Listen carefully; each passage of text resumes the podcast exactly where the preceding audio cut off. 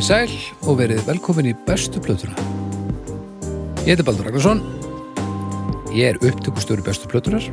Ég eh, á mikrofónuna. Ég á tölvuna. Ég á formagrunan. Ég á meiri séða snúruðar.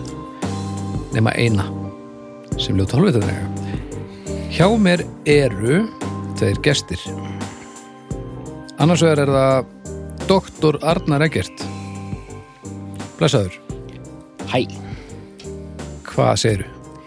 ég er bara furður hess. Já, velkomin í þáttinn. Takk, takk fyrir. Takk. Uh, ertu spendur?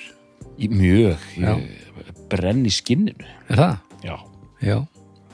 þetta er svakalegt. Það verður nú lífið tuskunum hér á eittir. Heldur betur, sko. Ah. Þetta verður algjör sturlun. Haukur, Viðar, Já, velkomin. takk. Hvað segirðu? Ég segi ekkert gott. Nei, Nei. hvað, hvað bjótar á? Við erum búin að sitja þarna í svolítið tíma og taka upp tvo þætti. Ertu nú svona gallabuxna þvalur? Ég er hann gallabuxna þvalur. Ég viss, vissi það.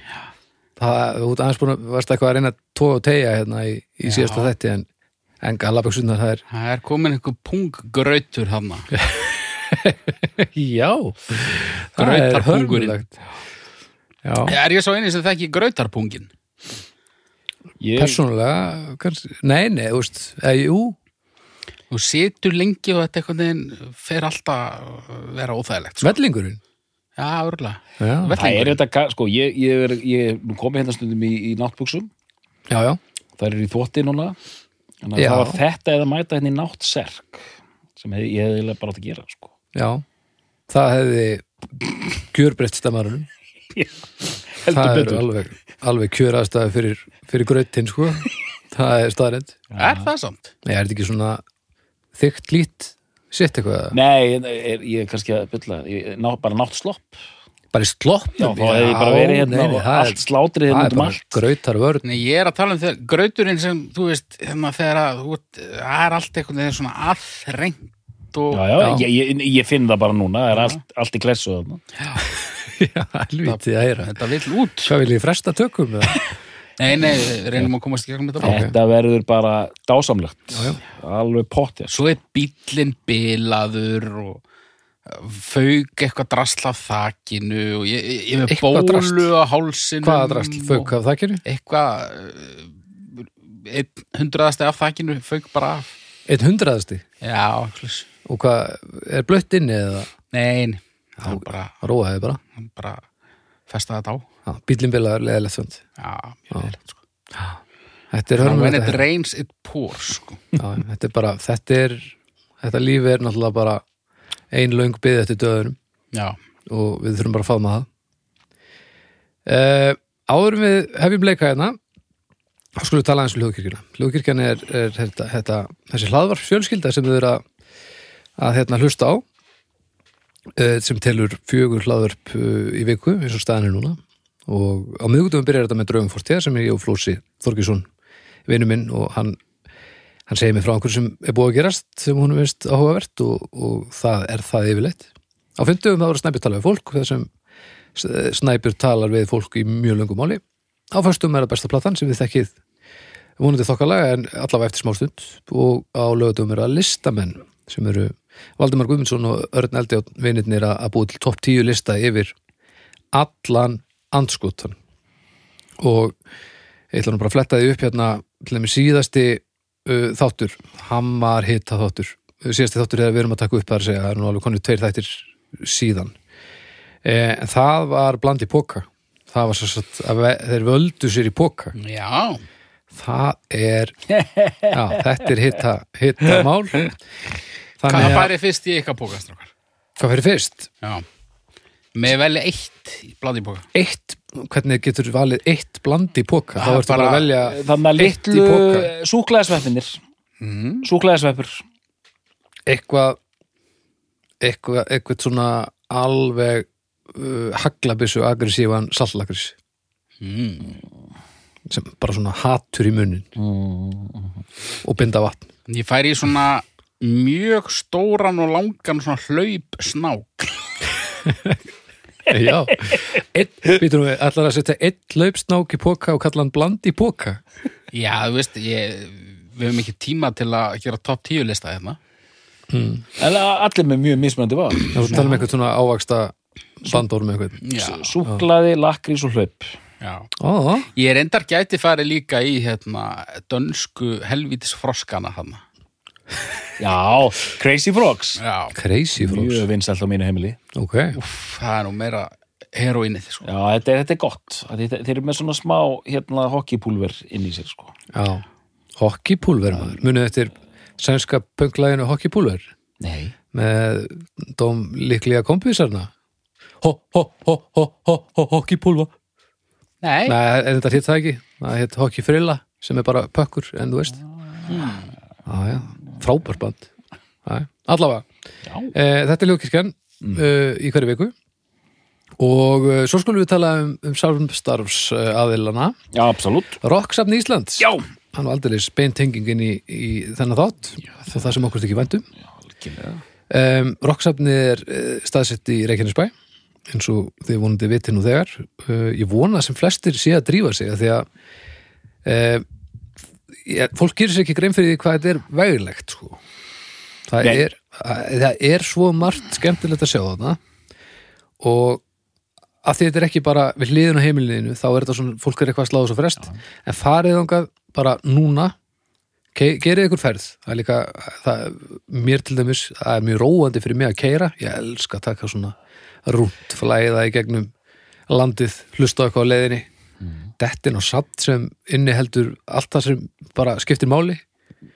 Og, og ég er búin að byggja hreinlega líf mitt á bara í, íslenskri tónlistarmenningu.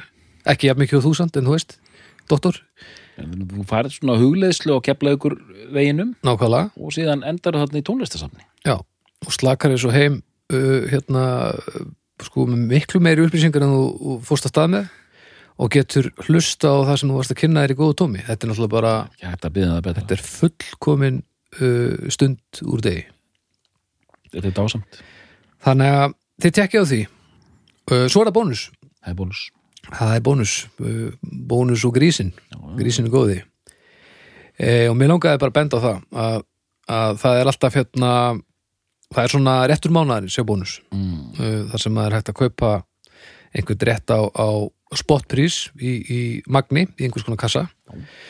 Og það á nú vel við með hvernig haukur ákvað að opna þáttin hérna á að, að þennan mánuðin þá er réttur mánuðarins grjónagrautur.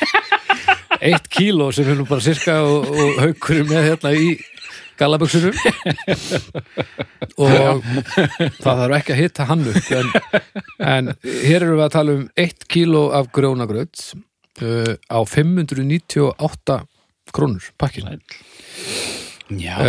og nú vitum við það uh, flest, ef ekki öll að grjónagrautur er náttúrulega sennilega besti matur í heimi með smá kanil ég borðaði grjónagraut í kvöldmatt, sko. Ég er með grjónagraut í maganum núna. Ert þú tvígrautaður hérna í kvöld? Já, Já, það er bara þannig Þannig að stökku til fyllið skápina grónagraut og, og uh, ég tala ekki um ef að og buksunar. og buksunar bara grautur, grautur í öll vitt uh, Já, og takk gæla fyrir hjálpina bónus og, og hérna Rocksafn Íslands. Þetta er óskaplega fallega gert og alls ekki sjálfsett Herri, Mm. músík, Músík, tónlist. Ekki? Jú. Þetta verður áhugavert. Já. Þetta, þetta er doktorinn. Þetta er dóttorinn Doktorinn kom með þetta, haukur. Ég heldur sérst út að skýta En ég veit það ekki. Kemur ljós. Já, en þið ætlaði að ræða bestu blötu Bellin Sebastian? Viljum að gera það. Já. uh, Já. Hvað haldið þið að það séu margir af hlustundum bestu blötuna sem þekkja þetta band eitthvað umfram að Nafnið. nafninu til af því að, að út að spila mennsku bara hérna NASA og, og eitthvað, hvað var það, Grand Rock eða eitthvað? Sko sennilega meira en hérna að því að maður hefur séð það þegar við höfum hent í bönd eins og Radiohead eða einhverja nýbylgju sko mm. Smiths og eitthvað svona þá er alveg, þetta fólk er aðna sko og ég held að fólk hafi Já. heilt þetta Viltu meina að þetta sé sama fólk?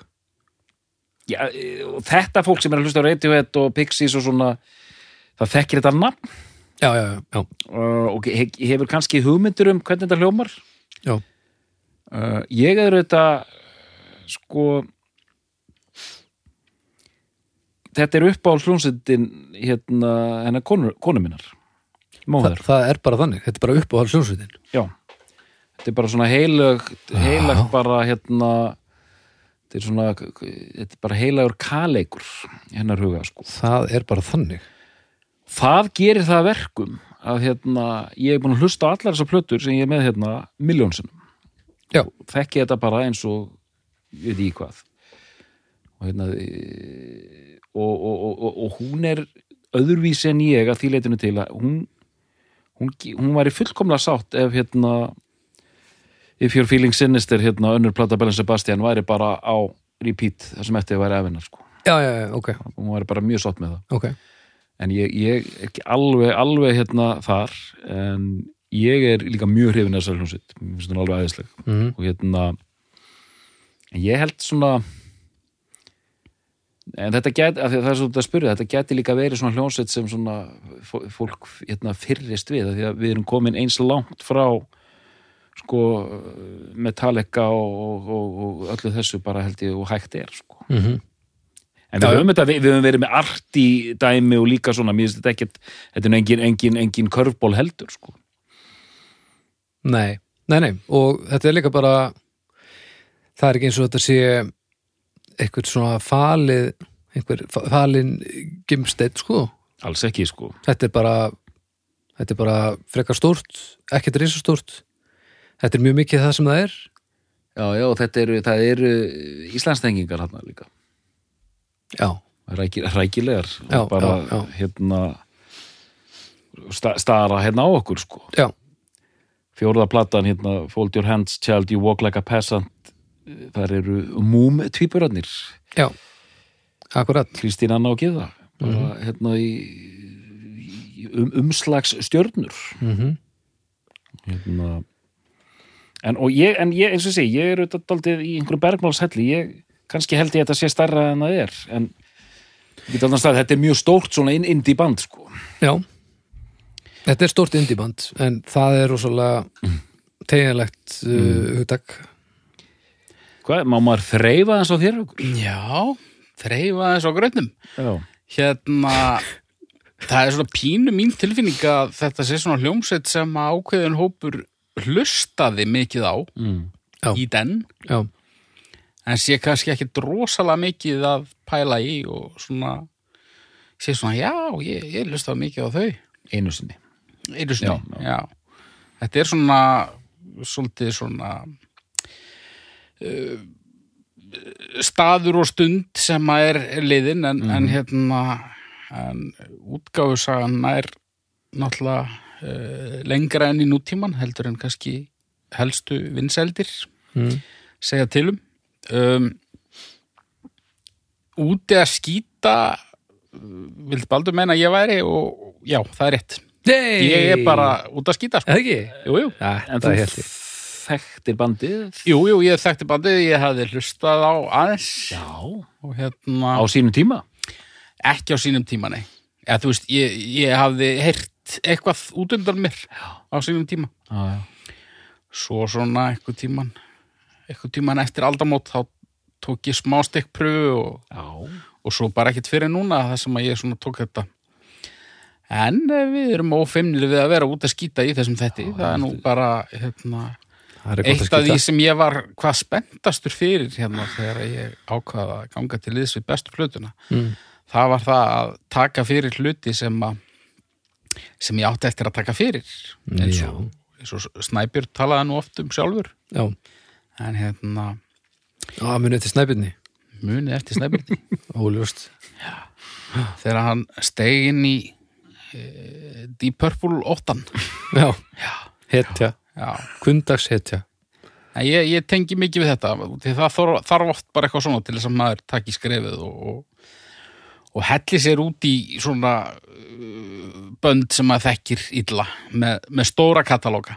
Já, En ég vissi að þú erir þekktir þetta band? Já uh, þegar við hittust í fyrst skipti og, og spjöllum eitthvað mm. þá er það í mjög sett Já. Jónsmessu nótt Mm -hmm. fyrir rosalöngu síðan.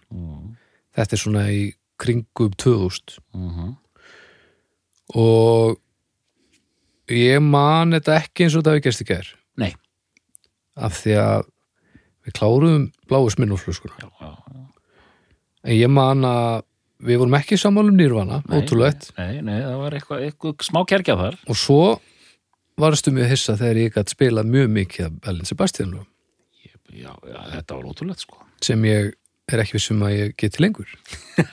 Ég, af því að þetta er það sem Haukur var að segja hann á mjög vel við mig. Ég hlustaði rosalega mikið á þetta og svo hef ég fjallast þetta eiginlega bara alveg. Já, og það var engin meðvitu ákvörðinu eða eitthvað en þetta átti á minna erindi við mig núna en þá og það er, ég veit ekki hvað það er sko. Ég man að, bara því, að því að þegar ég heyri þetta þá er, finnst mér þetta alveg jafn gott dót. Ég er bara ekki lengur að- ég er, er ekki að hlusta á jafn mikið af svona tónlislengur Við vorum auðvitað bara gjössalega gapandi hérna, þarna var kornungu drengur frá Húsavík sem bara leik hvert Bellan Sebastian lagið á eftir öðru bara eins og ekki að dværi sko. Já, þú og einhver vinuðinn sko Því voru, hann var einhver að syngja með þér. Arnar, Arnar var að syngja með. Óttaðist um stöðu þína á þessum tímapunkti? Við, Svo- voru, við vorum mjög skotin í Baldri bæðið tvö sko. Svo í kjörfærið þá áttu við Arnar okkur á því að við vorum tveir eftir. Þetta var alveg svona varðveldur og ægileg stemmari og, og þá var ég allt í einu svona og þá fann ég, já, ég hef nú kannski getað alveg sleppt þessum síðasta fjórðungu flöskunni. Og þá fórum við að finna gistinguna sem var búið að redda. Ég var hún heldur framlár og ég stakk upp að við myndum bara hérna, leggja okkur í gjótinu hérna af því að hafa mosi og eitthvað. Arnar held nú ekki, drösla okkur upp í bústæðin þar sem við fengið hérna gistingu. Við vöknum sagt svona á miðju svona bústa stofugólfi og þá er svona eins og í bíómynd svona, svona andlit svona fjögur andlit inn í sjónsviðinu. Og þá er það fjölskyldan sem leiði bústæðin við hliðin á þeim sem við fengum gistingu í. Og við sváum sérst bara á gólfinu á þeim. Og ég man að, að þau skullu okkur að búðinni mm, Já, já, og, og við ringdum heim, ég ringdi mömmu og spurði hvort hún hætti að koma að sækja okkur og hún sagði að það var ekkert máli ef við lofum að gera þetta aldrei aftur. Ég sagðist ekki geta lofa því þannig að hún kom ekkert. Og þar er ég enn. Nei, við rettum okkur einhvern veginn en þetta, þetta var ævintýri mikið sko. Þetta er alveg magnaði þegar þú ert að spila þessi lög þá eru bara komnar kannski þrjá plötur sko. Fjór mm. þetta er uh, Folger Hands er nýkunn Já, ok, Já. ok mm.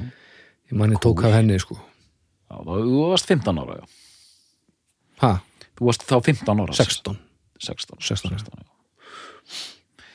já. já, ég byrjaði, byrjaði myndir ekki fyrir nefnilega stert sko já, ég skil, ég já, skil. ég hérna, tók þetta föstum tökum Þarna var maður líka bara búin að vera hlusta á þetta band í kannski 2-3 ár sko.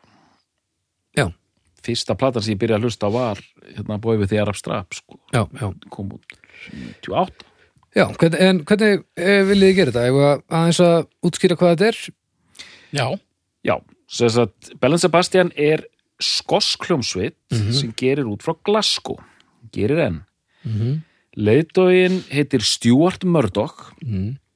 og hann er svona potturinn og pannan í þessu og ég hef auðvitað lesið mig til um þetta og hort á einhverja þætti og enda löst sko. En hérna en, en, en, en minnið gloppótt og sérstaklega svona á síðkvöldi sko. En uh, þannig að þið fáið þið, þið, fáið einhvers konar fróðleik hérna. Já, en eh, sagt bandið er stopnað, þetta er algjört svona, þetta er algjört Glasgow band og þú veist, þetta er indie mér finnst þetta að vera, þú veist, það var þetta Smiths og Jesus Mary Chain og svona Mm. 80s, þessar indie jungle hljónsettir, mm -hmm. ekki hann til bönni menn jafnvel sko, en samt það er meira kannski segjum bara Smiths til dæmis, sem er svona kjörmyndin að þessu sko mm.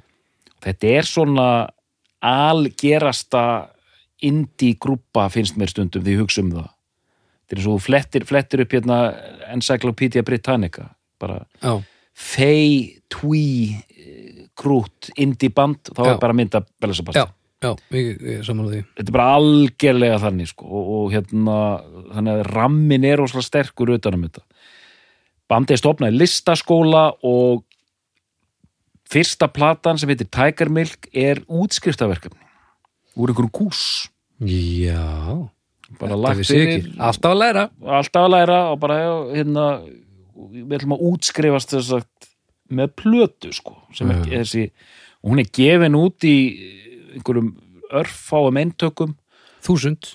Já, er þetta er ekki ságripur en það er mikil ságripur sko, Já. þessi alveg fyrsta plata sko. Ég get ímyndað mér það sko. Og þið sjáuð strax eða þið sjáuð, uh, einhverju sjáu kannski og þið flettið þessu upp hlustendur góður umslögin, þetta er mjög stíliserað og Þetta er alveg- er alveg listaskóla já, listaskóla dót sko. Og mikil svona smiðsvísun sko. Mjög rosalega mikið smið síður og hérna og uh, já. Uh, og þetta er fyrsta platan sem kemur út. Já, reynum, reynum að lýsa þessu. Það gerist rosalega mikið þessi fyrstu ár 96-97 þá er bara allt á fullu spani það komu tvær plötur Tiger Milk og If You're Feeling Sinister. Mm. Það kom út líka mikið af smáskífum og þannig erum við komin inn í sko mi, hérna, miðjam tíunda áratugin og vínillin er svona dett út þannig að ég með hérna handleika svona öskju með geisladiskum sem eru EP-plötur Mm. og eitthvað af þessi hefur bara, bara komið út í þessi formi sko. Já, ok þetta kom bara svona geisladiskar sko.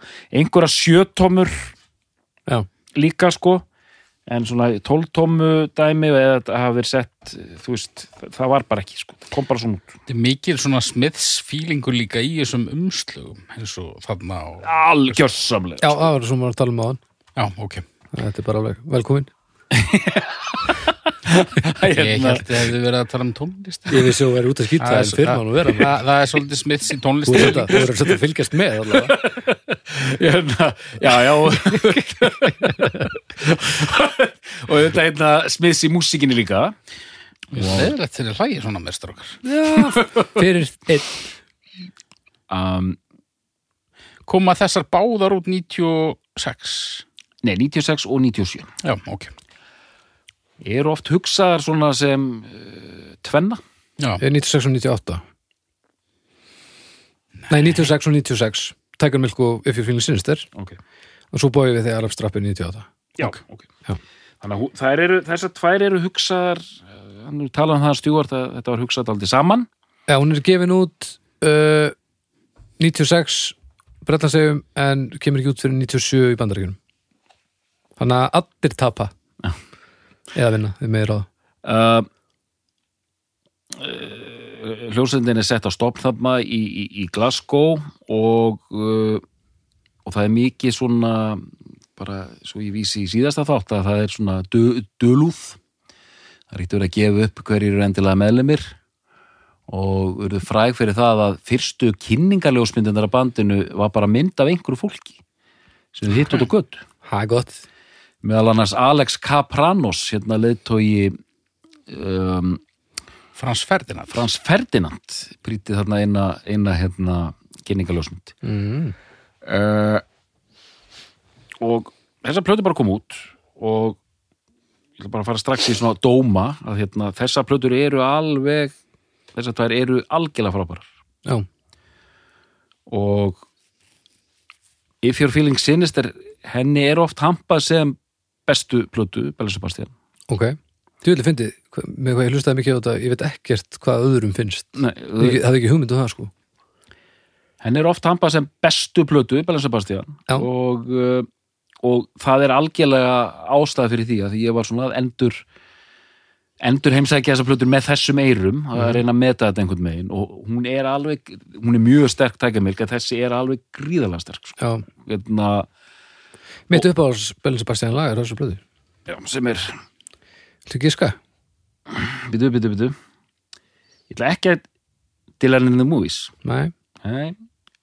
The Stars of Track and Field. Nei. Nei, ok, bitu Nú, ég ætla að ná þessu núna. Ég ætla uh, Erum við að tala um Seeing Other People? Nei. Nei, þá er það Duty and the Dream of Horses Ooh, get me away from here ah, já, já, já, já. djöfellar það er svo skemmtileg lag já, já, já, þetta er snildalag sko. fallegt lag sko, ofan í þessar tvær eru þetta að koma út fjagrala EP-plötur með lögum sem er ekkert á þessum plötum mm. þau lög eru líka öll algjörlega geðveik sko. já, þannig að hérna talandi út frá svona persónlegri upplöfun og smekk sko, mér, ég, mér bara það sér ekki högg sko, þetta er algjörlega högg þett finnst mér, Já. allt. Vist, öll lögin bara, öll þessi plata bara og, fyrsta og þessi og allar þessar EP-plötur sem kom út, mér finnst þetta bara æðislegt sko. hérna Hvaðan kemur þetta nafn? þetta er e, þetta var svona frönsk hérna, sjónvarsserja Ein, Ok. einhver strákur og, og hérna og hérna hundur hérna þetta standi mér sér hérna nei jú hérna hvað, þetta er skáldsaga um hérna Sebastian og, og Pírenea hundin hans hérna Bell Mm. þetta var svona vinsal sjónvarserja í, í Fraklandi sko. og- ég já. var að stofna nákvæmlega Já. ég, ég ætla að hlaði hérna með ykkur tveimur hérna svona lýsingu og sérstaklega fyrir þá sem er hlusta sem vita kannski ekki neitt. Þetta er þetta er svona notum þetta bara, þetta er svona indie pop uh, kammerpop er þetta stundum kallað? Já, uh, fólk. Já, svona þjóla element. Þjóðlega element í þessu klálega. Alveg, þetta er krútað. Krútað alveg fyrir allan peningin alveg hel krútað. Smá svona 60s pop vibe svona franskt svona Já. element einhver. Mér finnst það svona bara Mér finnst það bara svona staðalmyndin af indie poppi Mm. Já, þegar ég hugsa um það. Já, Þetta er ekki, þú veist þetta er náttúrulega vandraða hugtak þetta blessaða indie. Já, já. já, já, það getur átt um svo alls konar. Mm en þetta er ekki þetta, ég upplifi þetta ekki sem þetta indie cool dæmi sem að við fáum annar staðar. Þetta er bara ekki svona, mér er alveg sama þó að peysa mín sér yfin indi, nei, þetta er, það er, þetta er ekki það sko. nei. Þetta er svona lautarkörfu Já, alveg, þetta er lautarkur indi frá helvíti sko. já, Já, og við erum að hendum inn fleiri orðum. Sakleysi. Já, já, uh, svona, og svona, svona berskjöldun. Það er svona svolítið mikið að vera að vinna með að, að opna á allt og, og og eitthvað svona ævintýri svona múmin element. Já.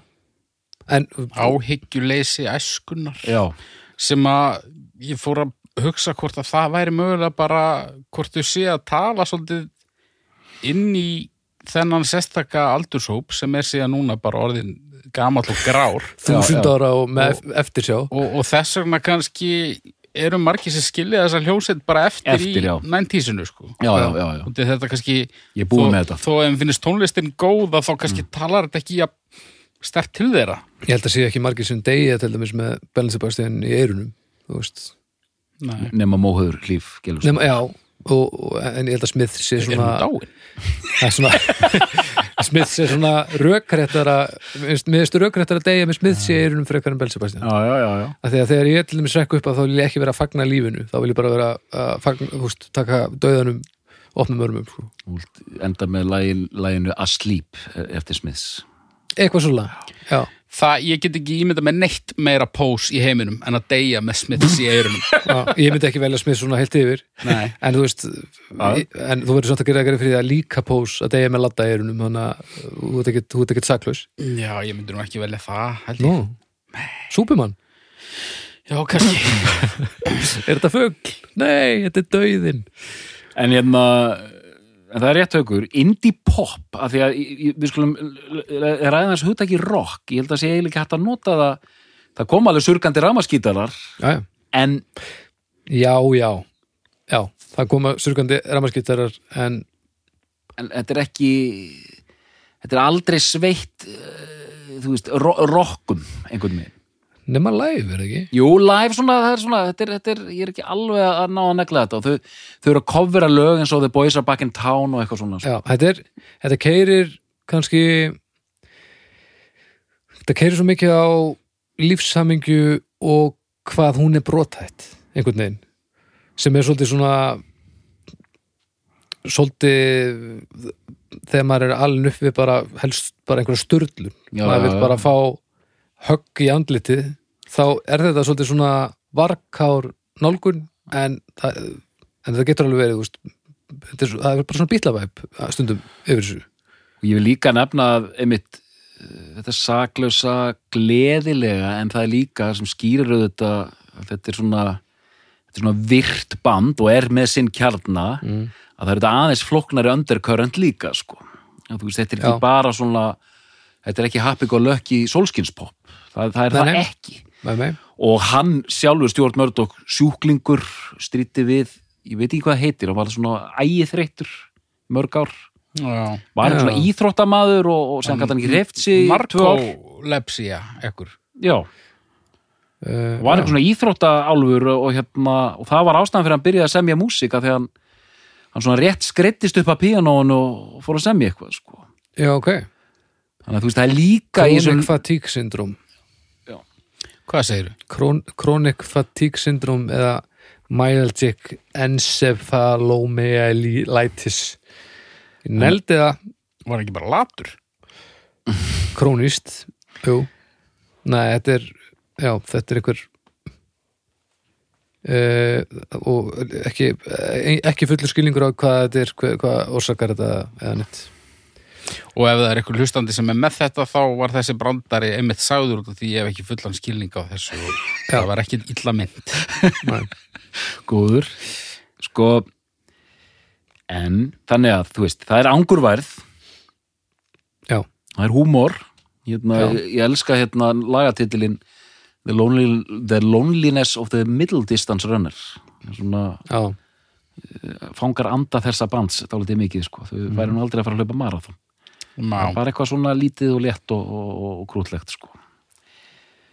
En eh, hérna þetta er, og þau verða bara frekar vinsæl og ver, ver, algjör svona indie sætgæst hetjur þarna á þessu tímabili. Mhm. og það getur vel verið og- hérna eins og þið segið, þetta hafi bara verið þessi tvekja þryggjára gluggi fyrir svo marga sko. Já, flavor of the month að einhver leiti hvað það var þar sko. já. Þetta var líka hérna heima var þetta svolítið, þetta var engin svona risahittari en allavega í minni kreðsu þá var þetta, kom þetta svolítið óvænt inn, staldraði alveg við í svolítið tíma já, en fjaraði þessu út var- Mikið kæraðsubandi mitt. Já. Þú veist, ég, ég hef alltaf þekkt nafnið og þú veist, meiris að á þessum tíma man ég eftir þessu en bara ég var bara vittlisum megin við kringlumýrabröðina í rauninni. Þú veist, MH-ingarnir voru í þessu já, og ég var hérna í ofanleiti í, í Vestló það sem allir hlustuðu bara Will Smith eða eitthvað. uh, Þannig að þú veist, þetta var aldrei að fara að rata mínar fjörur fyrir mikið setna. nei, sko hérna það var bróðið minn sem kynnti mig fyrir þessu. Ok. Og ég var sérst með kassettu upp á tekna kassettu með þessari plötu hérna Boy with the Arab Strap. Mm.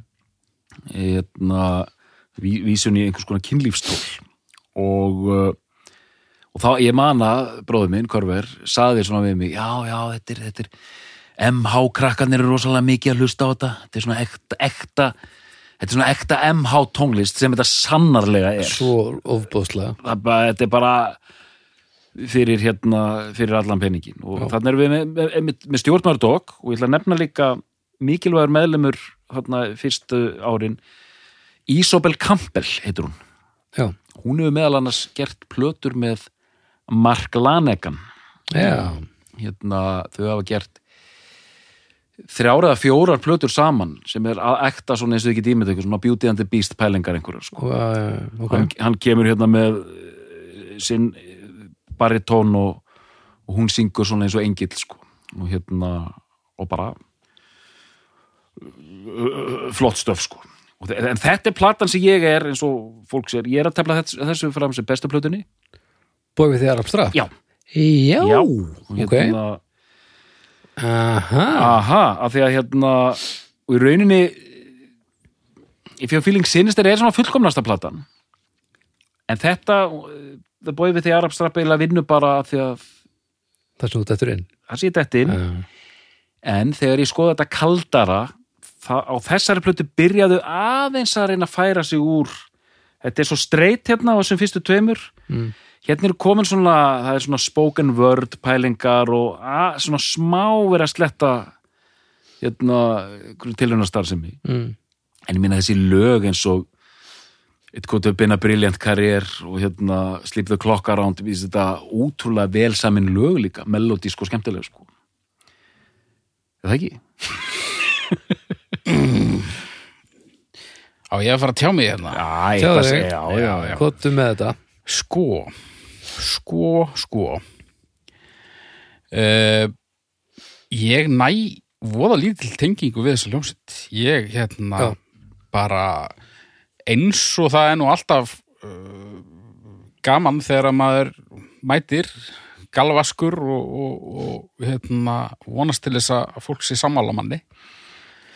Ég hefði vilja já, samanlega veita ykkur báðum þá ánægju. En ég verða að fylgja sannfæringu minni og segja að ég mér finnst þessi hún ekki hræðileg sko en það, það er eitthvað svona það er eitthvað svona tengslarof þarna Mhm. já sem að ég hef allavega ekki ennþá komist í gegnum sko Er, uh, er það bara alveg heilt yfir eða er lag og lag eða það, það er svona semi-heilt yfir en jú, jú, þú veist það er fullt af lögum sem ég heyri og ég hérna ég, ég, þetta eru fín lögsum mm. en, en svona uh, þegar ég var að fara í gegnum þetta þá langaði mig eiginlega alltaf að vera að hlusta frekar á eitthvað annað. Já, já, Já, það var svolítið svona það er ekki meðmælum það, það er ekki beint meðmæli með, með Nei. musikinni sko. Nei, en samt gerðist það nú svona yfirleitt á öllum þessum plötum að svona ég komst í eitthvað smágrúf skilur Ok. og það er nú, það er nú eitthvað. Og, og kannski Titilagi grúar já, mist titilægi á þessari plötu til dæmis það er hérna svona, ef, ef ég verð að velja eitthvað þá, þá velja þessa plötu sko. Og, og þetta lag finnst mér mitt fínt. Mm uh, og mér finnst mér finnst þessi plata hún líka svona það komið svona aðeins meira uh, aðeins meira kjött einhvern veginn. Meiri pungur. Já, skrítið að nota orðið pungur samt í, í Bella Sebastian samhenginu sko. Nei, en mér finnst sko fyrstu tvær já. ég, uh, sko, ég vil ekki breyti þessu í eitthvað haugudrullar yfir Bella Sebastian. En, en Þátt, ég, sko. ég, ég myndi ekki gera það. Nei, og, og það er engin ástæð til að gera þá því ég er vandamáli hérna, held ég. Held ég, kannski ekki samt. En hérna uh, ég er að hlusta á þess að fyrstu hörplutur og ég er bara svona langar pínu að berja hann að gæja sko. það senda hann í sveit eða eitthvað. Og, og viðkvæmur. Já, aðeins, það er eitthvað sko. Það er eitthvað. Þetta er ekkert sem góðu ekki. Taka einn túr í flæmska eða eitthvað.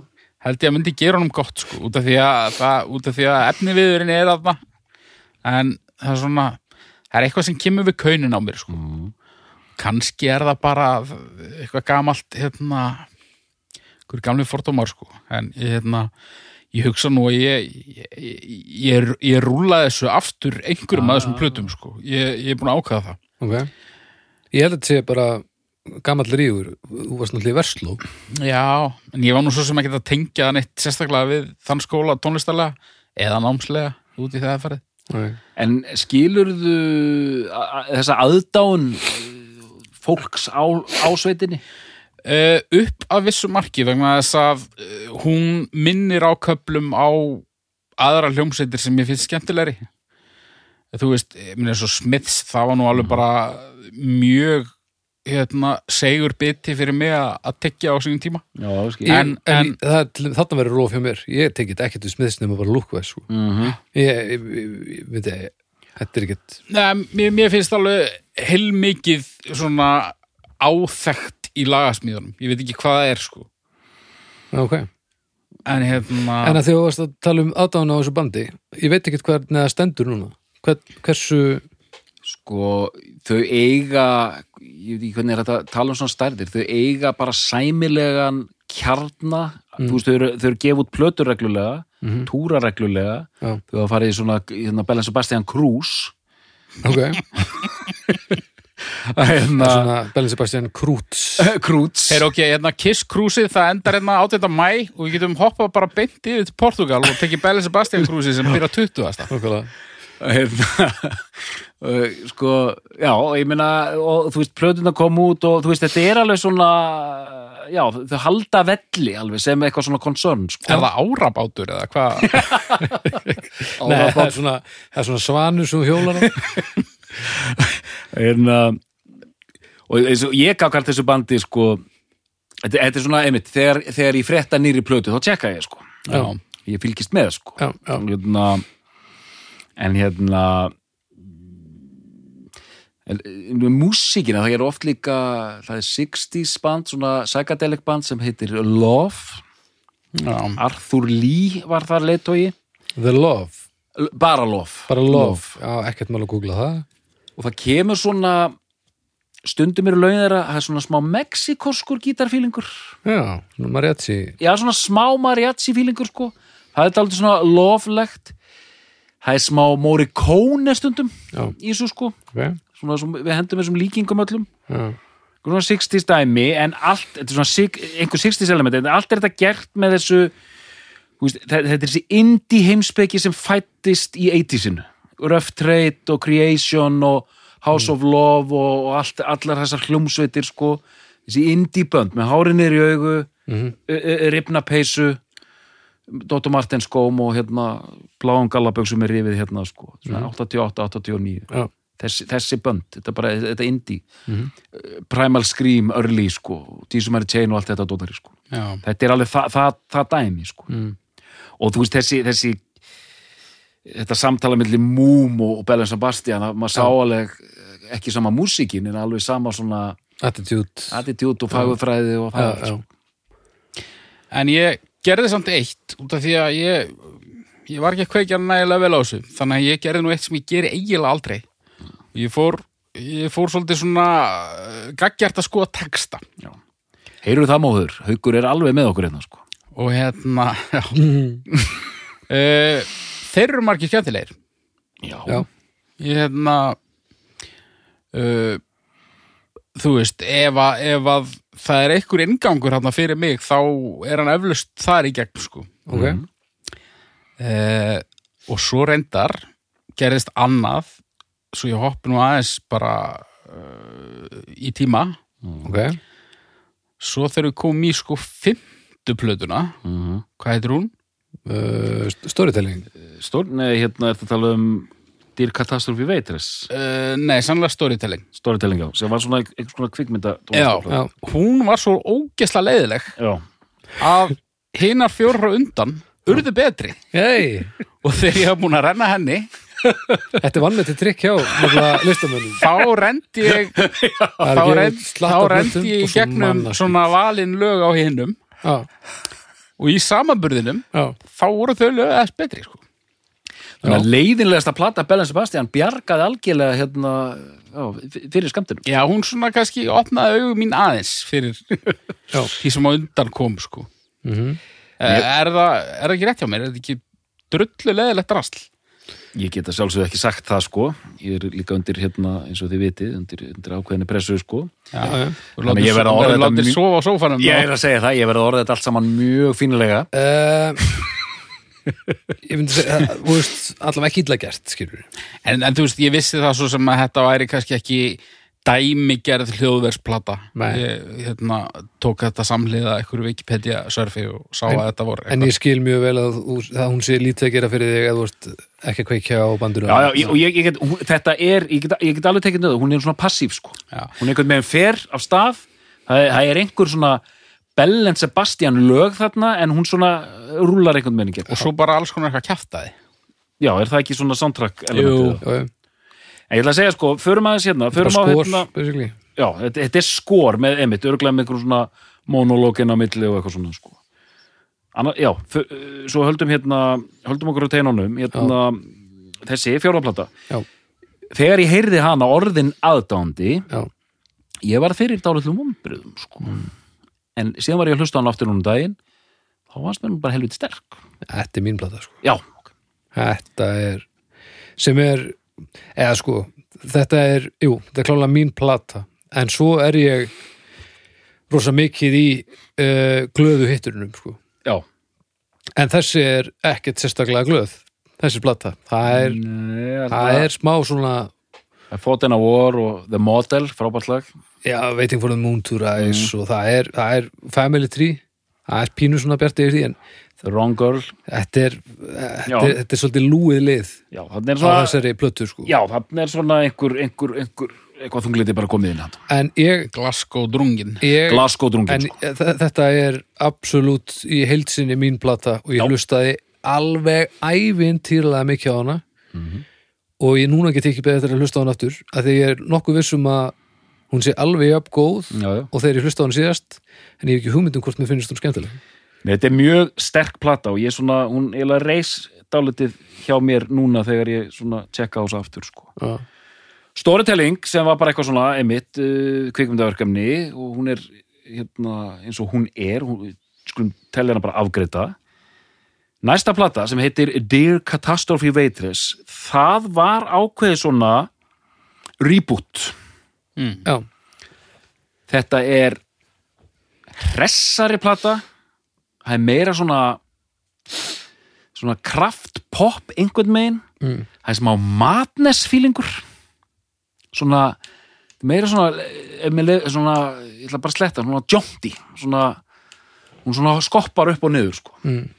og þetta er annað cover en já ég veit að já, já, já. Þetta, er, er rosaleg mynd er, þetta, er, þetta er coverið Já, síðan réðustu einhverju endurútgáfur og þá skiptuðu um umslag, sko. en hérna uh, já, svona uh, glaðværari plata og mér finnst þetta að vera góð plata, mér finnst þú vera mjög vel hefnuð í einhvers konar ok, endurfæðingu.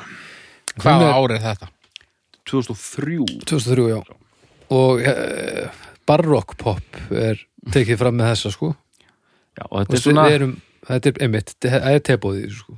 það er tepóð sko ég ætlaði að með að segja að þetta er þetta skost band en þú veist, þeir drekka þetta til eins og brjálæðingar sko já, þetta er, þetta er lautar tebóð Já. já. Uh, innskot mm. hafði aðdáun þín og konunar þinnar á þessari hljómsveit uh, eitthvað, eitthvað, eitthvað áhrif á það að þú ákvaðast að læra í Skotlandi? Mm, nei Nei. Það var bara Proclaimers. Já, Big Country. Já, Nei, það, þetta var eitthvað mjög gömul hugmynd bara frá því mann, frá því ég var pínu lítill þá langaði maður alltaf að verða tónlistar doktor í tónlistarfræðum frá ég, ég, ég, ég, var bara, var hugfangin af Skotlandi. Ég vissi bara að ég er að komast til Skotlands einhvern tímann. Hvað hva, hva, hva, var að? Ég held þetta sé fyrra líf ég held að sé takkart.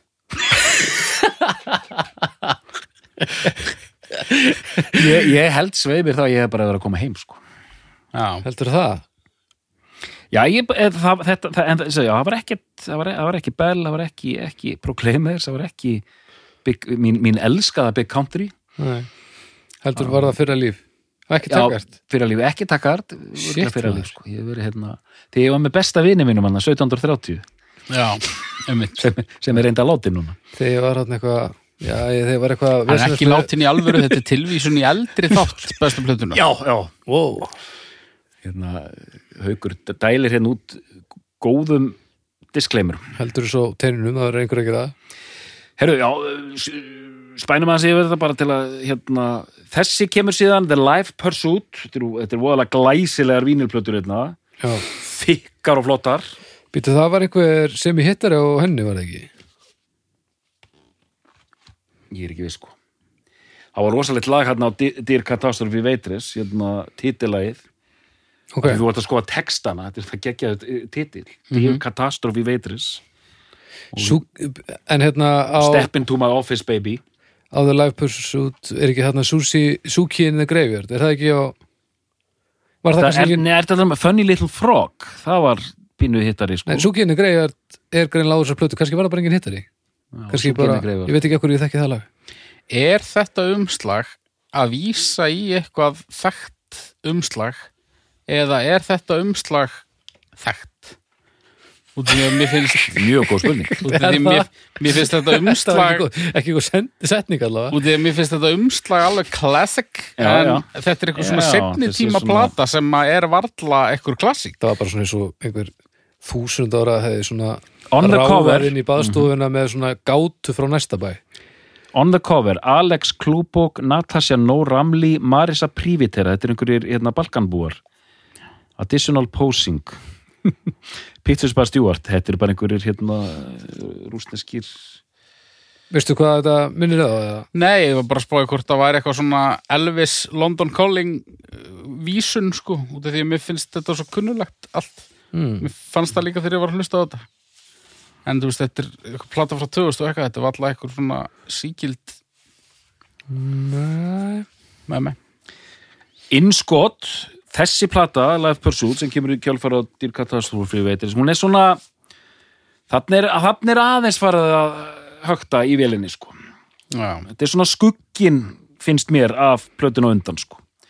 Svona more of the same, en bara ekki alveg af gott.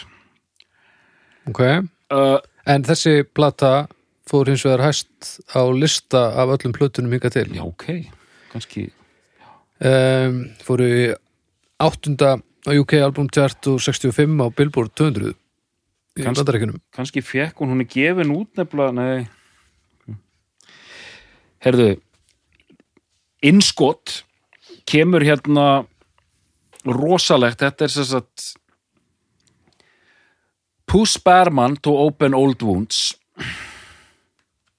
Þú sér þérna orðaleik þarna. Já, Puss Berman to open old wounds. Þetta er sagt sapn yfir allar þessar epjaplötur sem ég var að hérna minnast á. Já, þreföld hérna saplata holy moly. Um, Það er vikt í þessu. Það er viktið, þetta eru þrjár vínilblötu er, já og, opnar hann einu sinni enn sko. Allir textarnir voðalega vanda og skemmt þetta þetta er útgáfa. Þetta er útgáfa.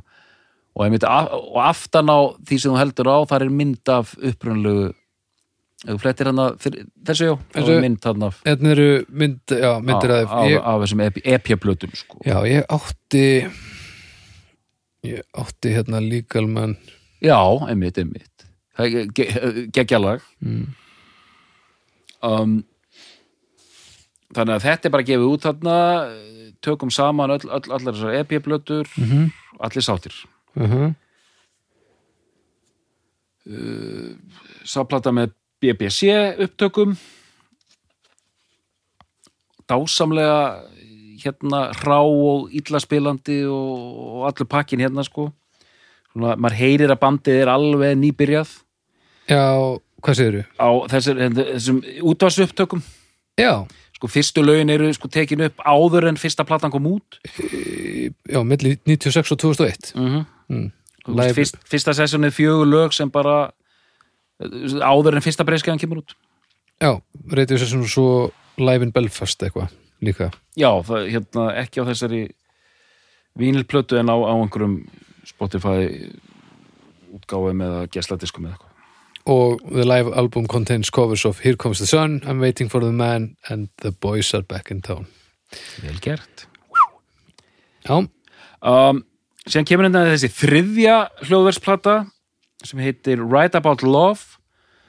Ég myndi líklega segja að þetta sé svona sísta Belen Sebastian platan. Þriðja hljóður Já, ég, ég tekar oft saman þessi, mér fannst Dear Catastrophe Waitress vera svona restart Já, já, já, já, þetta var svona more of the same en aðeins verra og Right About Love var svona þá er menn komin alveg út í í, í hot þriðja eftir ístart þriðið eftir restart og er svona þá er þetta, er þetta bara orðið þreytt sko. og þá er Ok. þetta, þetta er alltaf þetta er orðið svona veist, þetta er svo Bell, Bell Sebastian Song Generator. Íti bara í takka og bara farið út einhver, einhvers konar Bell Sebastian lag um, Já. F Já, fyrir satt alveg á lista og eitthvað sko. Allt er hægt dómar. Já, já, hérna, þetta er el, el, elskað band sko. Og þrjú item hérna í viðbót sem ég ætla að nefna. Síðasta svona proper hljóðasplatan heitir Girls in Peacetime Want to Dance. Mm. hérna er verið að reyna aðeins að flikka upp á þetta setja inn smá disco og einhverja raf, rafmúsík og eitthvað svona. Ok, þetta er 2015, já, byrjun árs já, en mér finnst hún vera dálitið, ég ætla að nota hérna orð sem er notað í þáttunum. Dálitið Já. Köflót dálitið köflót þetta er ekki alveg að hann á landi. Ok, Eftir þetta var ráðist í að gefa út uh, sjálfstandandi 12 tómur í þrennulagi kom út í öskju.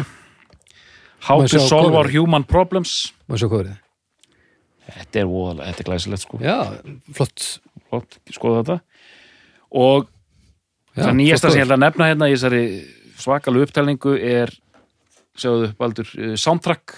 Já, þetta er sonur Nick Cave hérna. Já, já, já, já, já. leikari. Já. þetta er soundtrack við þessa mynd sem ég hef ekki séð. Er þetta ekki frá, þetta er satt gamalt er ekki? 2009 eða eitthvað? Nei, þetta er 2019 2019, ó, já, já. Og þetta er ekkert sérstætt Nei. Ok, þetta er bara svona aftur Belen Sebastian í, í, í, í hérna í sjálfurkum gýr þannig að ég sem aðdándi ég er aldrei spenntur að vita hvernig þau ætla að snúa sér ég held að sé að koma út nýplata jafnvel bara í ár sko. En ég heyri það að þú er mikill aðdáðandi en þú gefur þeim engan afslátt. já, já, einmitt, já, Það, já. er, það, það myndi ég segja að vera gott, sko. Nei, einmitt, einmitt, já, þetta er Þau allt eru ekki í áskrift af, af lofi frá þér. enga veginn sko. Og, hérna, og eins og þessar plötur sem ég verið að nefna ég sem aðdáandi, ég get alveg rúllað Right About Love og bara það fer enga veginn í töðunar á mér. En þetta er bara svona þetta er bara algjört svona mút Já. það vantar lög.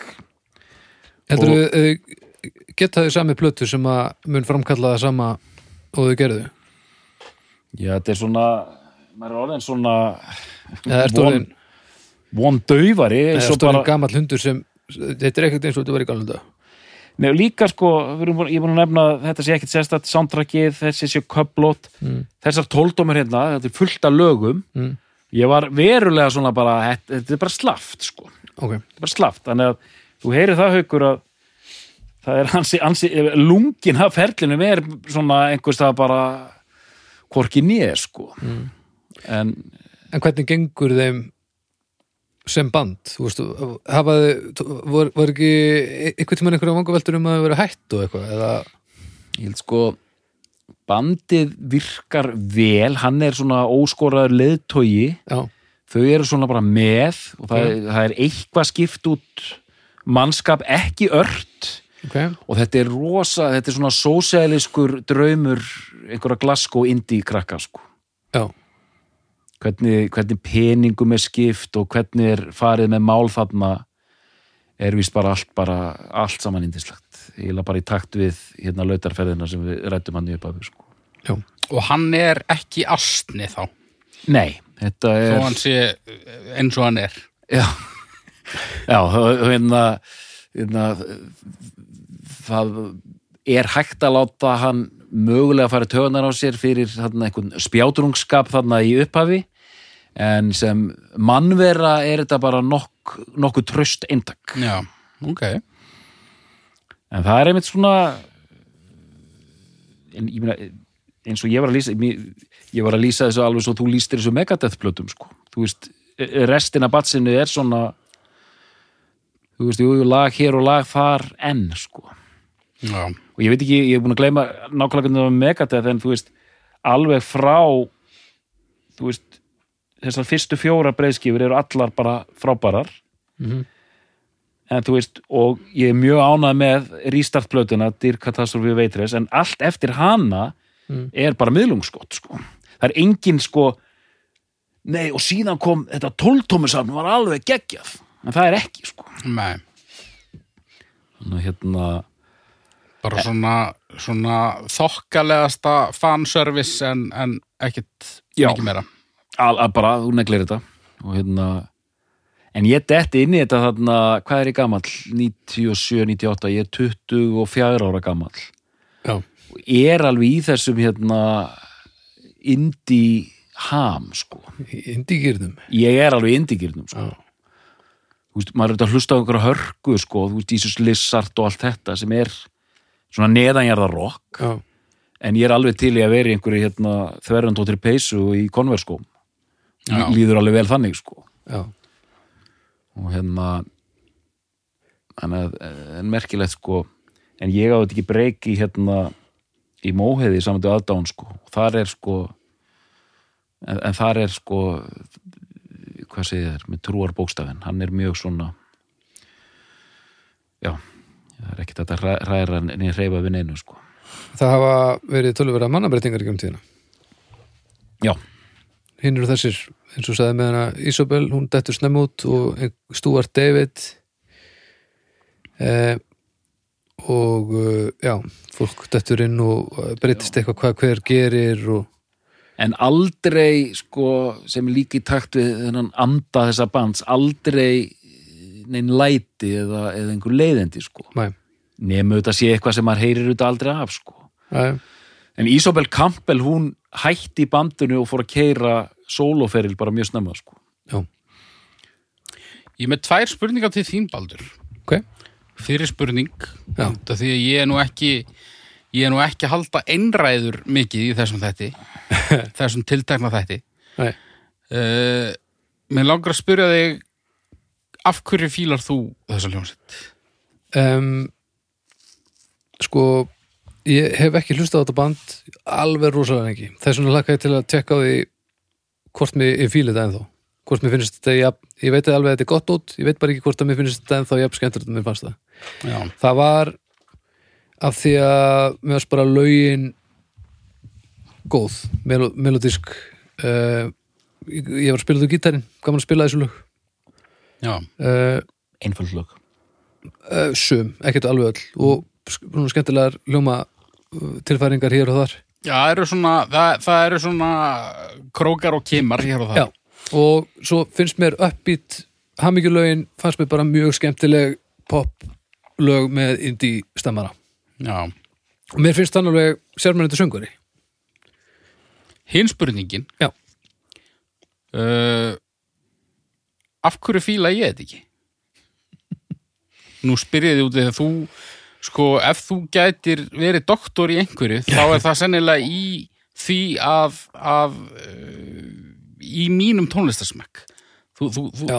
þér tekst mjög ofta að greina hann betur en ég sjálfur Já um, Hvað er það við Bellen Sebastian? Það er bara ekki alveg nóg mikill brottur í þessu fyrir þig. Nei, það er það. Já, það er, þetta er bara aðeins svo varkárt og brottætt e, og hamingjusamt.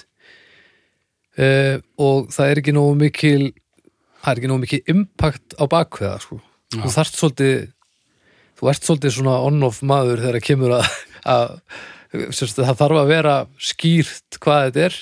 Og þetta er svona þetta svona þetta svona lautarferðar til hendar þér ekkert sérstaklega vel í, í tónlist myndi ég segja Þegar þú segir þetta, þá, þá getur þetta verið rétt að einhver liti. Ég, ég, ég sé fyrir mér að ég geti fíla þetta band betur eða það væri meiri brottur Já. eða jafnvel eða það Eða væri minni. Já, það þyrfti að vera bara skýrara þetta er Já. svona þetta er svona millibils ástand sem að ég held að hendi þér ekki vel sko. þannig að þú ert að fara að fíla nýjustu plötuna bara alveg í ræmur Já, bara að því ég held að, að lagasmíðarnar þær og þú varst að tann textana en ég held að lagasmíðarnar geta alveg hentað þér en þetta er svona aðeins svo ónitt með að í ákveðna átt sem að þú svolítið kveikir ofta á sko. Líka eitt mjög merkilegt þetta tengt þessu að hérna sko um, hvað, hérna, já, ég var að hlusta á alveg fyrstu plötuna Já. með henni móðið og hérna Mér var hann finnst ekki út? Hvað er hún búin að gera út margur? Þau, já, hérna, nei hún. Ég, var já, svo- með móðið, já, þetta er gott, gott hérna, Hvað er klukkan maður? sko uh, já, vá, djúlega ma- er, er, er maður Komdu með það, grillan- varstu að hlusta á Já, fyrstu hérna, uh, mér finnst tónlistin, sérstaklega á hann að Sinister og Boy with the Arastrap og Fold Your Hands og allt þetta Já. mér finnst þau, þau vera með einkennandi stíl.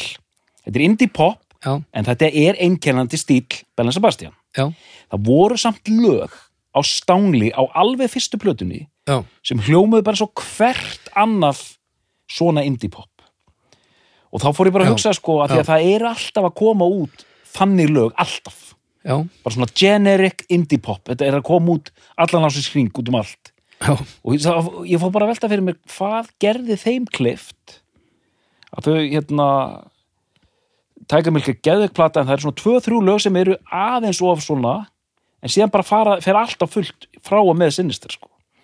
um, og það er eitthvað sem gerir þeim klift að verða að, svona rise above ég, og, og, og halda þess einhvern veginn áfram sko. ég veit ekki nákvæmlega hvað er en ég held að það séu hittararnir.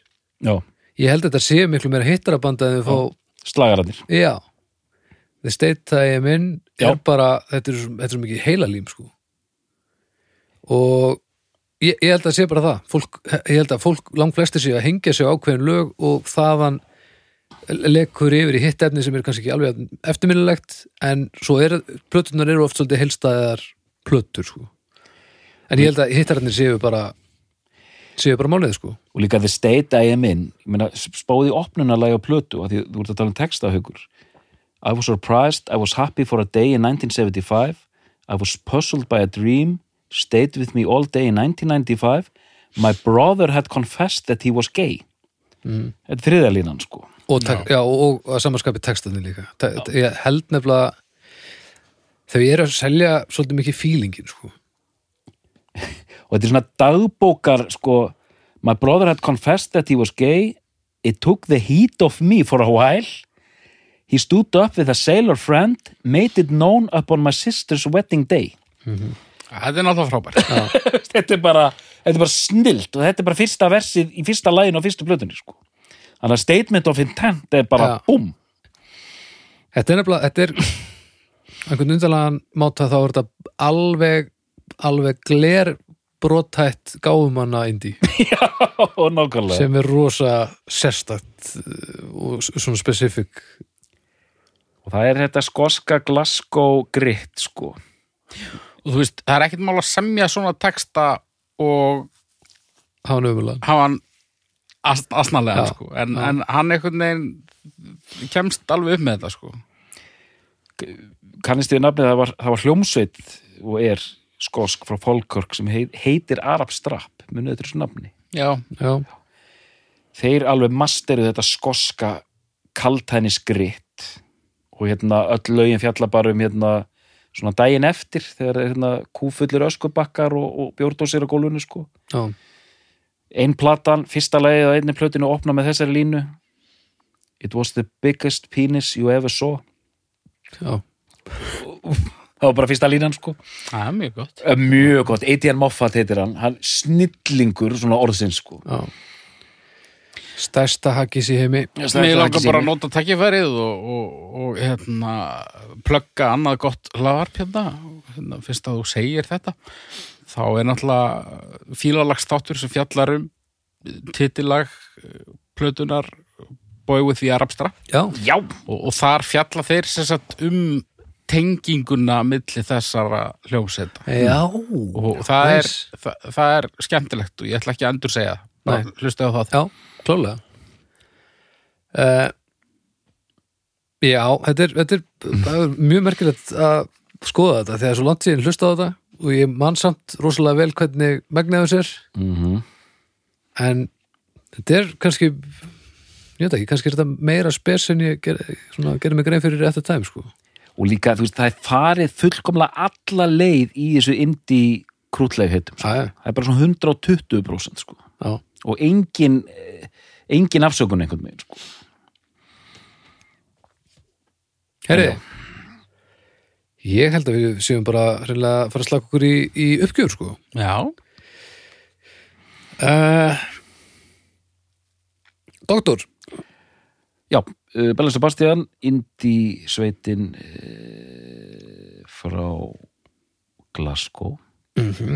Landariðnir landar mínir í, frá því reyndar dóstu fyrir svolítið síðan í Já, Skotlandi já, já, veist, í mínu fyrra lífi sko. já eða þar, þar fyrra. Já, indísveitin kunna Bella Sebastian frá Glasgow. Eða Casco, eins og ég kalla það stundum. Mm. ok, um, ég, við erum búin að lýsa þessari hljómsveit alveg fram og tilbaka ég ætla að velja þriðju plötuna þeirra uh, Boy with the Arab Strap sem þeirra bestu af því að þar svona eru menn aðeins fannir að olbúa sig og íta aðeins á, á, á þægendaraman Mhm. og mér finnst það ganga mjög vel upp þetta eru vel saman lög, skemmtileg grípandi en líka svona smá tilraunir í gangi, ekki um of þannig að þetta er svona dæmi um góða jafnvægisplötu eins og við höfum oft rætt í þessum þáttum það svona, gengur allt upp, það er ekkert of mikið af neinu og, og ekki of lítið af, af neinu sko. Nei. þannig að ég vel hana og fer dálítið gegn strömmnum veit ég, af því að það er bara if your feeling sinister, go seek a minister eins og segir í læginu Já. svo plata er, er, er dýrkuð og dáða af svo mörgum sko. Já.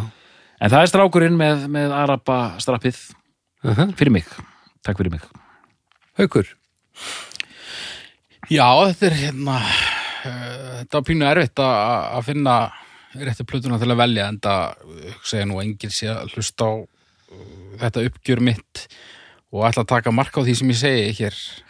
En hérna uh, já, ég samála þarna kemur ekkur, ekkur smá svona meiri fókus heldur en ég upplýði á fyrstu tveimur plöturum Já. og svona uh, meiri húkar mm -hmm. Uh fannst mér -huh. Fyrir forvitnisakir, hvernig finnst þér platan á eftir?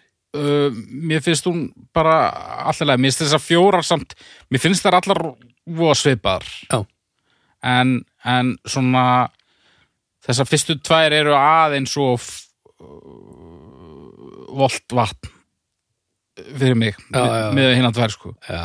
en hérna en sko, mér langar nú samt sko, ég er nú þeirra skoðunar að maður er bara að hérna move on eins og maður segir þegar að þætti líkur Já. en ég ætla samt að ég ætla samt að þið megi rukka mig um það í næsta eða þar næsta sessoni ég ætla, ég ætla að renna þessum fjórum aftur Ok.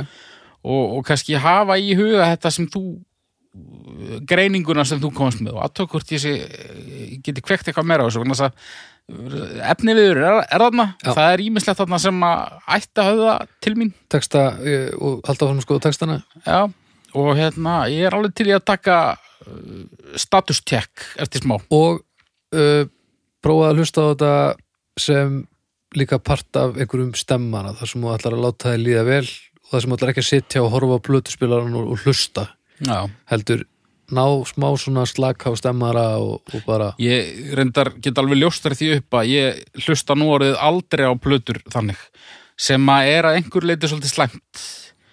Að maður, ég, ég, ég, er, ég er hættur að geta sest niður og bara hlustað. Já, ég bara, ég er of, of gamall og aðteklis brestaður fyrir það sko. Nú, nú. Ég, ég var alltaf að gera eitthvað annað á meðan sko. já, já, það þarf ekki að vera merkilegt skilur Nei. púsla? Djúvel er ég búin að púsla mikið síðan að besta platan. Aha, komin í líf mitt, já. já, næs En hérna, já, þannig að ég bara, það til annað kemur ljós, þá uh, vel ég einnig þessa, þessa plötu. Þannig að doktor er þetta besta plata Bellin Sebastian? Já, Haukur, er þetta besta plata Bellin Sebastian? Já. Baldur, er þetta besta plata Bellin Sebastian? Nei. Við þakkum fyrir í dag og við heyrumst að vikuliðinni